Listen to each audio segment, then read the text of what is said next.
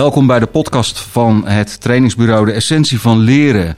Uh, en wij hebben vandaag een gesprek over blended learning en wat dat uh, voor organisaties betekent. Mijn naam is Arco Kats en ik heb hier in de studio bij mij Richard Haak. Hoi Richard, hoe is het? Hey, een hele goede dag. Ja, het gaat heel goed. Het gaat heel goed.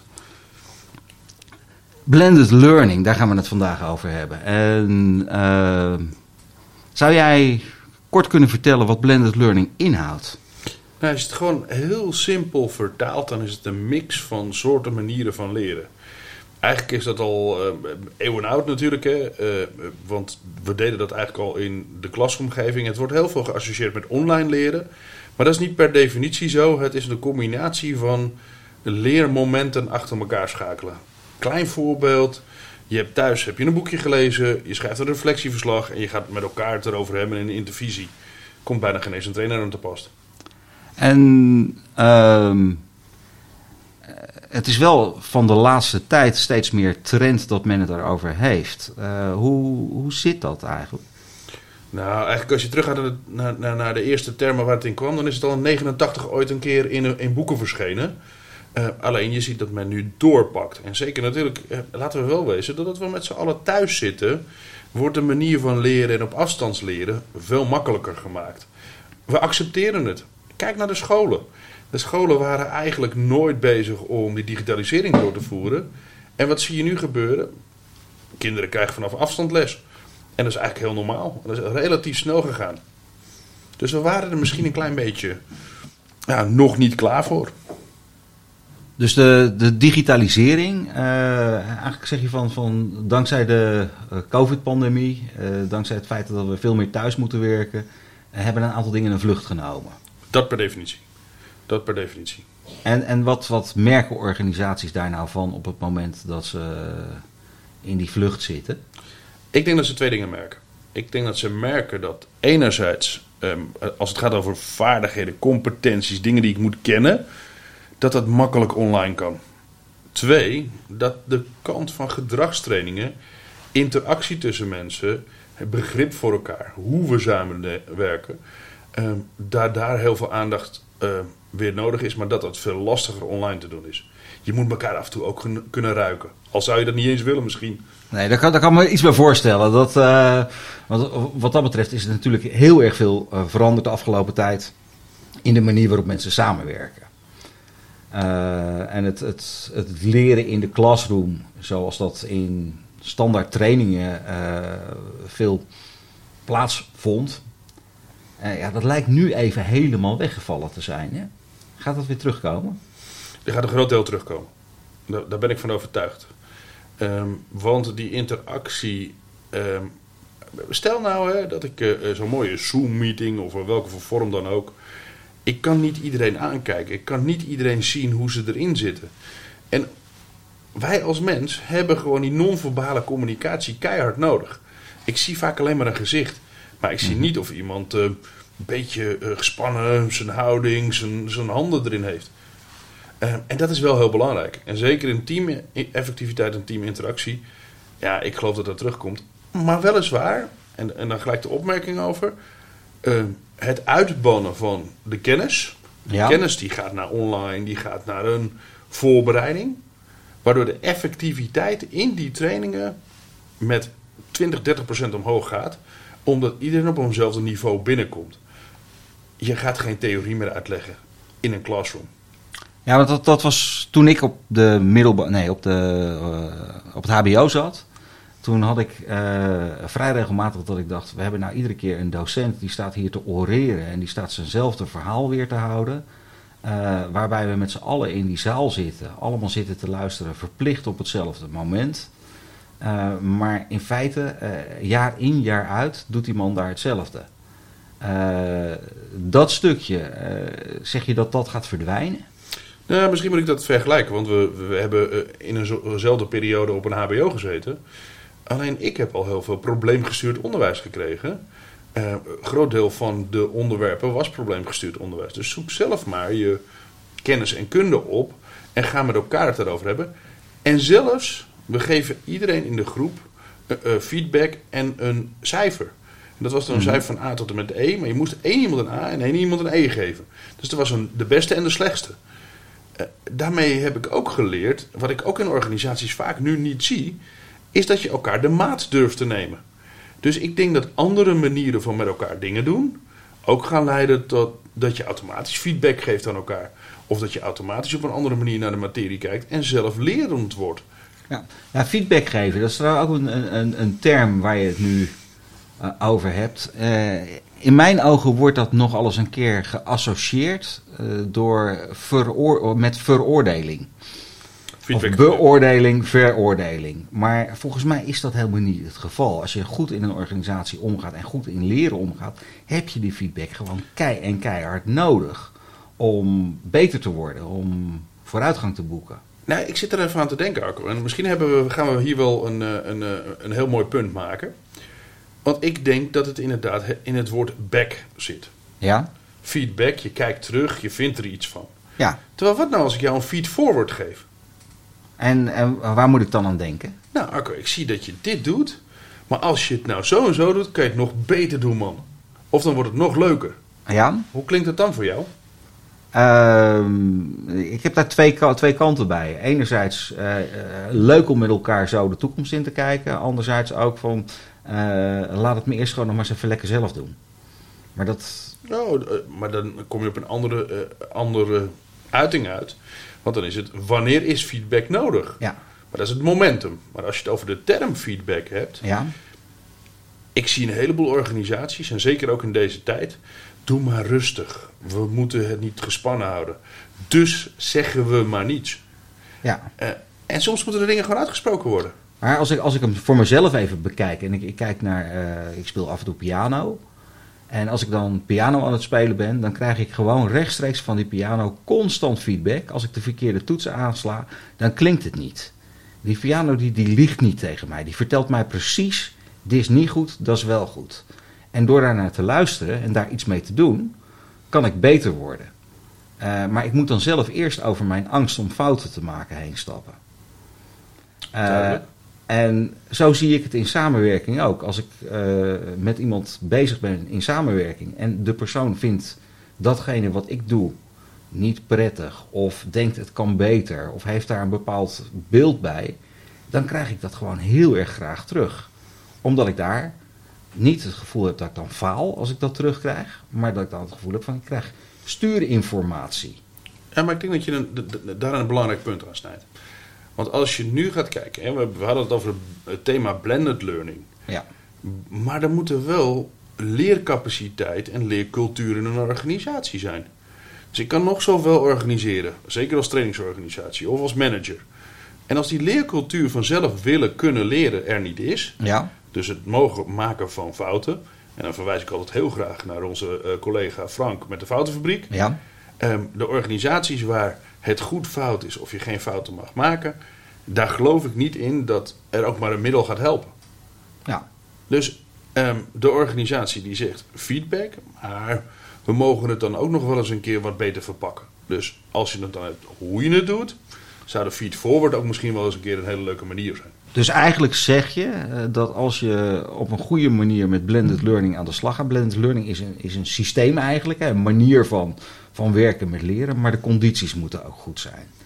En, Zeker. en bij die condities hoort onder andere dat er een bepaalde leercultuur is. Die, en, en hoe creëer je dat dan, zo'n leercultuur? Nou, ik ga, het anders, ik ga het anders zeggen. In de blended learning heb ik een grotere kans dat ik ieder zijn eigen voorkeur kan gebruiken. Stel, iemand met veel introversie, die vindt het veel fijner om één op één feedback te krijgen dan in een groep. Ja. Als ik die persoon gelijk in een groep zou zetten, ouderwetse manier van leren, hè, dus zonder blended learning, um, en die confronteer ik, mm -hmm. dan slaat hij dicht. Terwijl als ik die persoon eerst zijn huiswerk laat maken, goed voorbereid zijn, Ja. vindt hij fijn. En hij mag dan wat vragen invullen en hij krijgt van tevoren, of hij of zij, al wat reflectie, zit hij veel opener in mijn training. Mhm. Dat is gaaf. Want dan betekent dat ik heel makkelijk ook bij die persoon eh, verbeterpunten mag aangeven in de groep. Dus blended learning helpt ook om het iedereen op zijn eigen momentum, eigen niveau. eh, het is veel toepasbaarder per persoon. Ik hou veel meer rekening met het individu. Eh, de, dus, dus wat jij nu zegt is dat eh, introversie, mensen met een hoge introverte voorkeur, eh, en dat, dat zijn een beetje de wat, wat stillere mensen, Ru- nou, ik zou het rustig noemen. Want stil zou alweer een oordeel kunnen zijn. Ja. Ze zijn wat rustiger. Ze kijken eerst de kat uit de boom. Ja, En beoordelen dan. Denken eerst en doen dan. En we hebben natuurlijk ook de doeners, hè? lekker de extraverten. ja, Doen eerst en denken dan. Ehm, maar die, die hoor je namelijk in een training in een groep altijd als eerste praten. ja. Dus hoeveel ruimte heb je dan voor de introversie? Blended learning helpt daarbij. Wat, wat, wat mij opgevallen is, is inderdaad op het moment dat je in een blended learning omgeving van tevoren wat vragen uitvraagt aan mensen, dat ze die op papier kunnen zetten, daarover na kunnen denken, dat je veel meer informatie krijgt van de mensen die je in een live training eigenlijk gewoon niet hoort. Ja. Heb jij die ervaring ook? Gelijk, 100%. Ja. Overal waar je ziet dat voorbereiding is, is introversie, heeft, he- heeft een meer rust over s- zij, Ja. haar vrouw. Ik neem een voorbeeld. Ehm, ik mag met twee middelen werken, Insight Discovery en met Mapstel. Bij Insight Discovery krijg je geen feedback voor de training. Ja. Je vult je vragenlijst in en in de training krijg je je profiel. Mhm. Bij Mapstel krijg je gelijk een filmpje. En daar kun je alles van vinden, maar je krijgt feedback van tevoren. Jij bent wat meer zo en wat meer zo. Ik merk dat de introverte voorkeur, de mensen met een introverte voorkeur, relaxter naar die training komen. Ja. En dat geeft voor mij meer mogelijkheden in de training om meer uit te diepen. Zou je dan ook kunnen zeggen dat da- daardoor het, het vertrouwen van mensen eh, in het proces, het vertrouwen in het, het, eh, je resultaat kunnen halen, dat het vertrouwen omhoog gaat op het moment dat je eh, wat meer naar de blend toe gaat? Of Ja, is dat zonder, zonder het. Nee, nee, die hypothese durf ik aan. Ja. Ik heb hem niet onderbouwd. Maar dat is een hele lastige AB-test natuurlijk. Eh, maar je hebt gelijk. Ik denk dat. Nou ja, ik denk dat je mensen zich gehoord voelen. Laat ik het zo zeggen. Mhm. Ik denk dat mensen ervaren dat ze zelf ook aan die knoppen mogen draaien. Op hun eigen tempo. Ja. En dat is oké. Ehm, ja, want ik kan me voorstellen dat op het moment dat mensen zich gehoord voelen, eh, ze op die manier eh, in de samenwerking komen, dat mensen ook makkelijker, als je je gehoord voelt, wordt het ook makkelijker om, om je uit te spreken. Zeker. En dat is denk ik een hele belangrijke in het, eh, Zeker. in het hele verhaal. Hoe ziet dat er dan uit, zo'n zo'n blended learning proces? Kan je dat eens schetsen? Het begint altijd met het doel. Ehm, eh, wat is het doel wat de organisatie met de leerontwikkeling voor ogen heeft? En dat is een hele simpele, korte zin, maar die is essentieel. Want Mhm. ik zie heel veel trainingsorganisaties die beginnen niet met het doel van de organisatie, maar die beginnen met het doel van het individu. En dat is Wat is het verschil daartussen? nou, als ik door een organisatie betaald word, dan vind ik ook dat er bedrijfskundig, het geld komt uit die organisatie, een be- bedrijfskundig doel bij mag zitten. Mhm. Stel, ehm, ik wil de effectiviteit van mensen omhoog hebben. Ja. Daarvoor doe ik een time management training.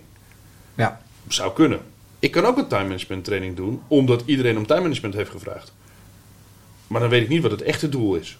Dus waar wij naar kijken, waar ik zeker naar kijk, is wat is het doel van de organisatie? Wat wil je ermee bereiken? Ik kreeg van de week een vraag. Kunnen jullie een test ontwikkelen om mensen te toetsen wat, of ze op een bepaald niveau zitten? Ik zei ja, maar wat wil je er dan mee? Mhm. Ja, we willen eh, minder blunders maken in de selectie. Ik zeg, oh. Ik zeg, maar het gaat niet om die selectie. Want bij eh, eh, de voetbalclubs kunnen ze fantastisch selecteren. Maar als ze daarna niet opleiden, dan zijn die kinderen nog niks waard. Mhm. En dan zijn ze niet op een achttiende de nieuwe eh, spelers van de wereld. Dus wat ga je daarna doen? Ja. Ja, daar was geen visie op. En dan zeg ik, dan is dus die test of die training of die selectietraining... die slaat nergens op, want je hebt er geen doel mee. Hoor, hoor ik jou nou eigenlijk ook zeggen dat je zegt van ehm, eh, wij moeten als, ja, als, als bedrijf, als organisatie, als managementteam, eh, moet je eigenlijk ook gewoon heel erg goed weten waarom je eh, met je mensen de training aangaat. En dat dat misschien nog wel belangrijker is en dat het niet is dat mensen getraind worden om, om door een hoepeltje te kunnen springen, maar dat het vooral zeg maar de afstemming ook is van wat wil je als organisatie bereiken dat training ook een middel in het totaalproces is. 100%. Maar dat daar nog veel meer eh, bij komt kijken dan alleen maar die training. 100 procent. Er komt daarnaast natuurlijk kijken dat je die opvolging moet hebben. We hadden het net al even over leercultuur. Ja? Ik geloof 100% in leermeesterschap. En leermeesterschap betekent dat de manager niet alleen maar een manager is, een leidinggevende, maar ook een docent. Mhm. Of leraar, of begeleider, of coach. Stop al die namen er maar in. Ja. Die persoon die moet de skills hebben om te snappen wat zijn, zijn of haar medewerkers ontbeert om beter te worden. Mhm. Of soms, en ik eh, heb afgelopen weekend een hele mooie selectie gedaan voor een, eh, voor een managementclub. Daar zei een van de mensen heel, ja, die mensen zijn vastgeroest. Toen zei ik, ja, maar dat is heel leuk, maar misschien is dat wel heel fijn, want die mensen willen niet groeien naar boven, maar die willen verticaal groeien. Ja. Die willen verbreden. Dat is helemaal niet vastgeroest. Voor jou is dat vastgeroest, want jij wil meer en snel. Dus zet je Mhm. eigen perceptie er niet op. Kijk echt naar wat je mensen willen en doe daar een goed gesprek over. Waar wil je naartoe? Wie wil je zijn? Wat wil je in het leven nog bereiken? Dan krijg je ook echt een connectie met die mensen. En daar hoort opleiden bij. Eh, lifelong learning, hè, mooi begrip. Maar eigenlijk als we van school afkomen, hoe vaak hebben we een plannetje gemaakt? Hebben we überhaupt zelf een plan gemaakt als mens? Mhm. Ik denk dat organisaties die zelf met de medewerkers hun plannen maken, ja. 20% effectiever zijn. Ik ben ervan overtuigd. Maar toch, toch blijkt eh, uit de praktijk heel vaak dat een manager ehm, denkt van ik, ik bel even dat trainingsbureau en ik krijg een eh, ik vraag een training voor mijn mensen om, om iets te gaan doen en dat krijg ik geleverd en dan ben ik er vanaf. Ja, maar dit- dat Maar- zijn de, de, twee, de, de twee mooie begrippen, Arco. Dat is heel simpel. Eén, ze willen kunstjes, maar voor kunstjes moet je naar het circus. Dan Ja. moet je bij het trainingsbureau zijn. En twee, degene die vraagt om training heeft vaak zelf training nodig. Maar dat vind ik een interessante. Degene die vraagt om training heeft vaak training nodig. Ja, Eh, hoe, hoe zie je dat dan? ga maar doorvragen. Ga maar vragen, eh, want het is altijd het kunstje. Precies wat je net zegt. Ja? Als we even dit doen, worden zij beter. Ja? Maar wat ga jij er als manager aan doen? Hoe ga je zorgen dat ze dan ook beter blijven? Mhm. Als je dan, kijkt nu naar eh, eh, voetbalcoaches. Ik vind een mooie metafoor altijd met het voetbal. Ja. Of een rugby. Het maakt me allemaal niet uit. Elke sport waar een teamsport is. Hoe hard is die manager, coach bezig om zijn team beter te maken? Elke dag.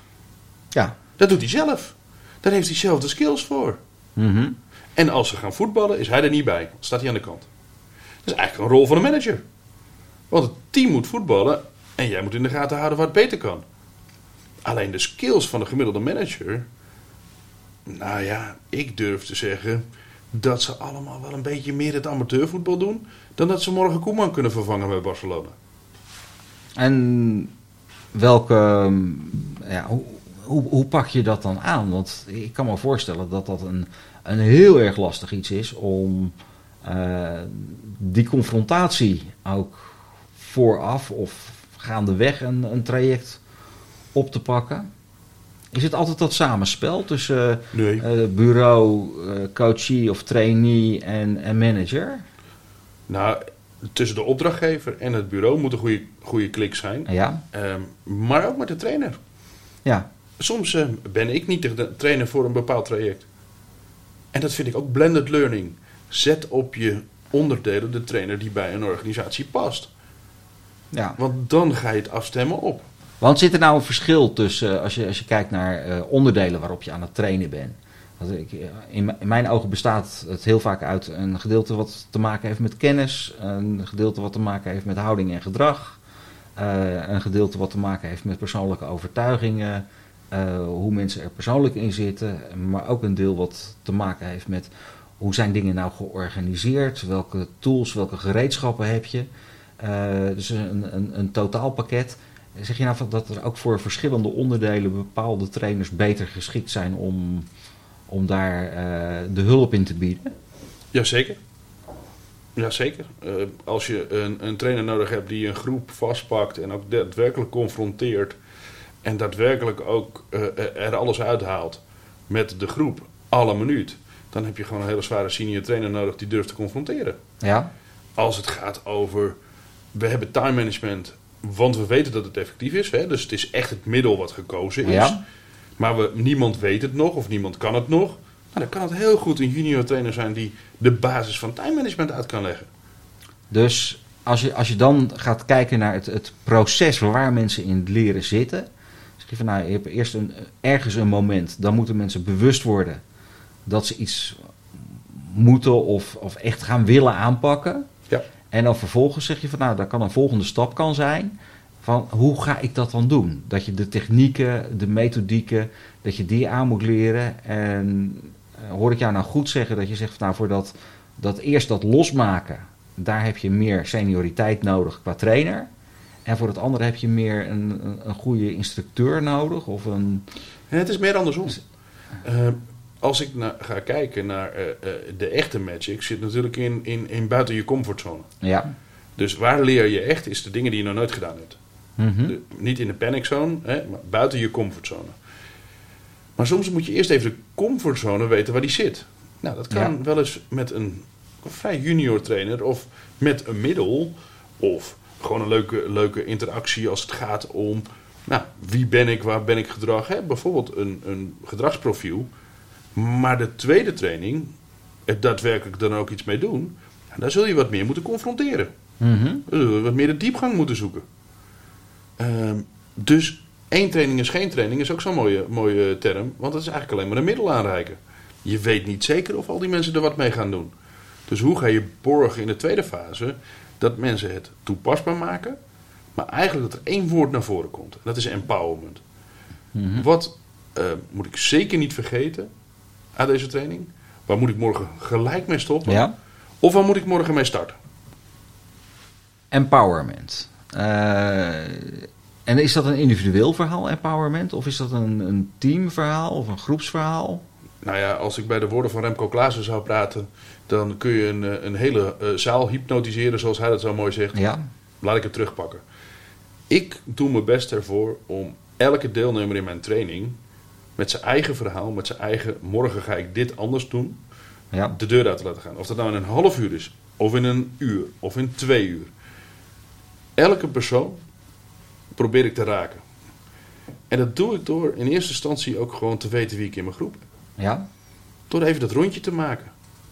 En tijdens de training een aantal mensen aan te tikken. En natuurlijk tik ik de extraverte wat meer aan, want dan wordt die wat wa- meer wakker. En natuurlijk bij de introverte zeg ik bij de koffie net dat ene woord. Maar iedereen in mijn training krijgt een stuk aandacht op maat. Mhm. Als ik ze ga vragen. En dat is het allerbelangrijkste wat ik vind. Wat neem je nou mee naar morgen? Dat is mijn evaluatie. En als we dat allemaal als ik er zeven heb, alle zeven keurig kunnen vertellen, dan heb ik mijn best gedaan. Dan heb ik een, een steentje verlegd in de ontwikkeling van die persoon. Mhm.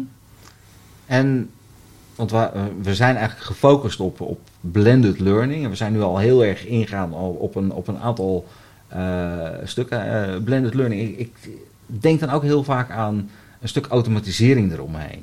En Zeker. een stuk eh, ja, wa- waarmee dingen beter gemonitord kunnen worden of geborgd kunnen worden.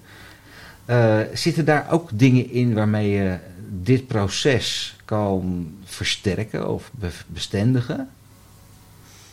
Als je bedoelt, de, de, bijvoorbeeld een e-learning omgeving, Ja. die kun je verschillende routes geven. Dus iemand kan eerst de toets doen en dan het lesje volgen. Of eerst de les volgen en dan de toets doen. Mhm. Ik kan je vertellen dat eh, ligt bij de gedragsprofielen. Daar liggen de verschillende mensen gaan er op een andere manier mee om. Is overigens niet bewezen, want we hebben ooit een onderzoek gedaan daarnaar. Ja. Of je op een bepaalde manier een bepaalde gedragsprofiel een format moet geven of een lijn moet geven. Iedereen is anders daarin. Dus leren is nog een dimensie onder je gedrag. Daar komt je drijfveer naar boven. Het Ja. kan best zo zijn dat als. Eh, ik neem mezelf als voorbeeld. Geef mij geen roman of ander boek. eh, dat, dat lees ik niet. Maar geef mij een managementboek. Mhm. En het is binnen een uur uit. Dat is omdat mijn drijfveer daar zit. ja. Dus het gaat er niet om dat ik niet, wel of niet boeken wil lezen. Het gaat erom, wat drijft mij om dat boek te lezen? Mhm. Nou, daar kan dus eh, gedragsprofielen niet direct iets zeggen over leren. En toch ook weer een stukje wel. Want natuurlijk voor de extraverte energie moet de tempo erin zitten. Natuurlijk voor de wat meer introverte energie moet de verdieping in de achtergrond erbij zijn.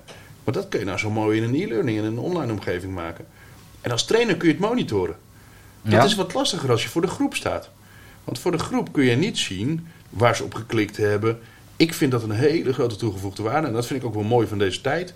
Dat daar gelukkig veel meer mee gedaan wordt. En je kan, je kan als trainer kan je monitoren wat men aan de andere kant doet. Je kunt de samenvatting zien. Ja, dus je, Ja. kunt, je kunt hun leerpad bekijken. En dan kun je eigenlijk, als iemand dus een voorbereiding heeft gedaan, Ja, kun je al uit dat leerpad en hoe mensen hebben geleerd, zou je alweer dingen kunnen halen om je training die je fysiek geeft nog beter te maken. Dus betekent dat eigenlijk ook dan dat het, het totale traject dat je bezig bent als trainer eh, samen met de trainee, dat die een, een, een verlenging krijgt, zou ik maar zeggen? Ja, ik denk dat het 50% tijd is, maar 100% verbetering. Ja, Dus ik denk dat als je zegt, weet je, ik heb één dag training en ik heb een aantal opdrachten van tevoren en een Ja. aantal opdrachten erna, waar wij gewoon keihard in geloven, we doen het niet anders. Dat je 50% meer tijd hebt. Dus normaal zou je een halve dag hebben en nog twee uurtjes extra. ja, Ehm, maar ik denk dat het rendement echt wel op 100% meer ligt. ja. Omdat men ehm, het misschien wel twee of drie keer krijgt. En ja, eh, ehm, leren en herhalen horen bij elkaar. Ja, zo, zo, zo, zo komt onder andere uit dat bepaalde vaardigheidstrainingen komt naar voren die 1000 uur of 10.000 uren regel. Exact. 10.000 uur dezelfde beweging herhalen en dan ga je hem pas echt beheersen. Eh, en het, het herhalen van stof, eh, ik merk dat zelf ook als ik met, eh met Mapstel bijvoorbeeld bezig ben. Ik heb al jarenlang daar trainingen in gegeven en met teams ermee bezig. En dan heb je het over die materie. En iedere keer als ik er weer mee aan de slag ben, komt er weer een nieuwe laag bij. Op een Zeker. of andere manier lijkt dat wel niet, niet uit te diepen te zijn. Dan denk je op een gegeven moment van, nou, nou, nou heb ik echt wel wat inzicht.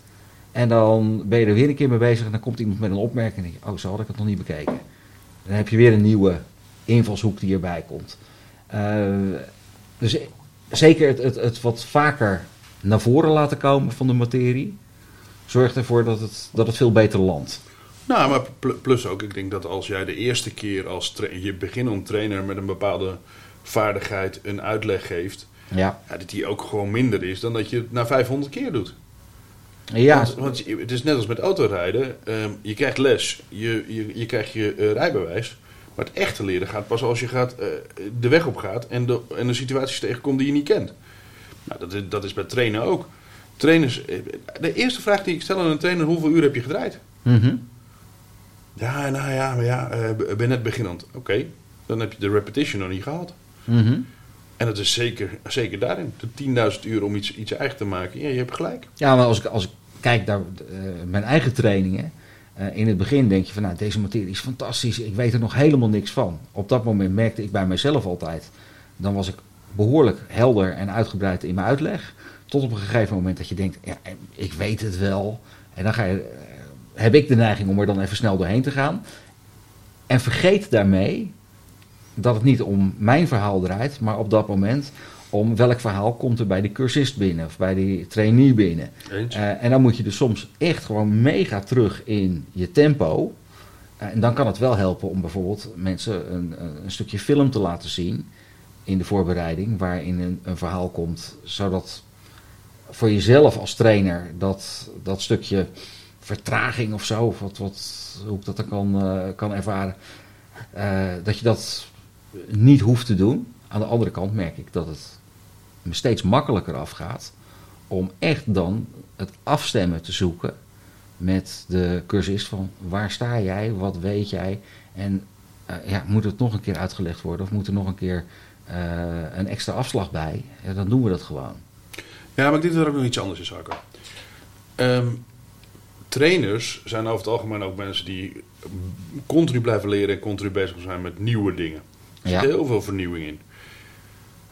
Het nadeel is dat inderdaad, wat je net zegt, de deelnemer is niet, is niet nieuw. De deelnemer wil hetzelfde trucje of kunstje. Ja, Dus zorg er nou voor dat je je toegevoegde waarde op de juiste momenten doet. Jouw toegevoegde waarde ligt helemaal niet in de uitleg van iets. De Mhm. toegevoegde waarde ligt in de interactie. ja. Met andere woorden, alles waarvan je denkt dat je dat moet herhalen of dat je dat voor de duizendste keer staat te doen, Mhm. haal dat eruit. Maak daar video's van, podcasts van, ehm, handouts van. Het maakt me allemaal niet uit. Maar doe dat voor of na je training in de blended vorm. Ja. En het ding waarin jij de toegevoegde waarde op de vloer levert, daadwerkelijk in die interactie, de toepasbaarheid per individu in je training, daar moet je voor betaald worden. Mhm. En dat andere moet je ook voor betaald worden, want dat is heel veel kennis en er zit heel veel tijd en moeite in. Maar dat is misschien een lager tarief, omdat de mensen dat thuis doen. En Ja. dan maak je samen, hè, dan maak je een anderhalf traject, zeg maar, Ja. maar met 200% effectiviteit. Ik ben ervan overtuigd. Ja. Volgens mij eh, is dat blended learning eh, inderdaad iets waar we nog lang niet over uitgepraat zijn. Daar Zeker kan nog niet. heel veel meer over. eh, inge- wat zijn eigenlijk nou de, de. Laten we even samenvattend kijken naar de, de belangrijkste voordelen ervan. Je doet meer ja, je doet meer.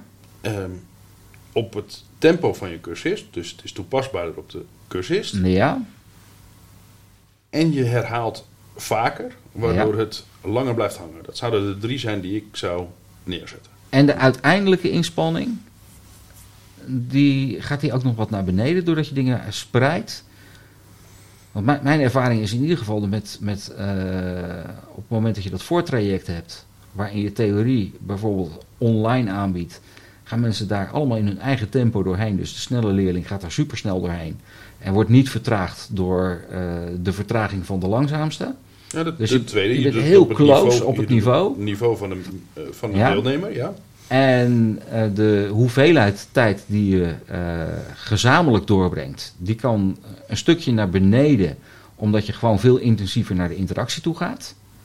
Meteen. Nou, ik, ik zou hem niet gelijk naar beneden doen. Eh, Ik Ja. zou hem hetzelfde houden, maar meer diepgang. Dat bedoel ik ook met meer, meer diepgang en meer tijd. Want mensen gaan een stukje zelfstudie doen. Ja? Dus je doet gewoon meer.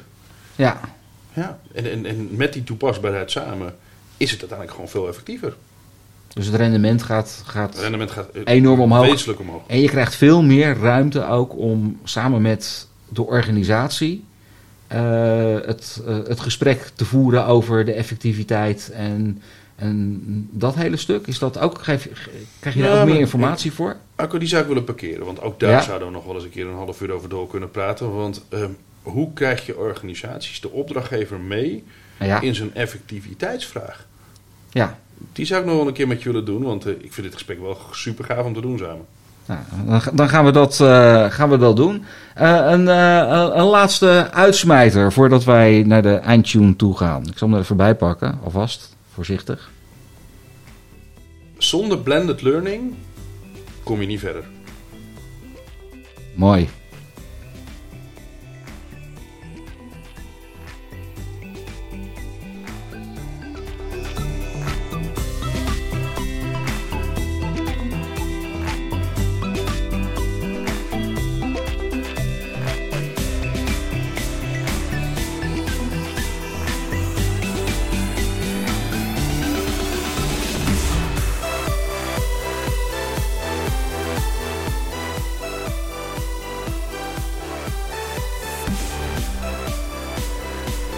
En zou je nou nog meer willen weten over eh, hoe dat allemaal werkt en daar eens een keer een gesprek over willen hebben?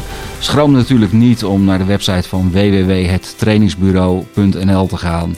eh, of contact op te nemen eh, op, via de social media, LinkedIn, Instagram, wat dan ook. We zijn graag bereid om daar verder met je over te praten. Bedankt voor het luisteren.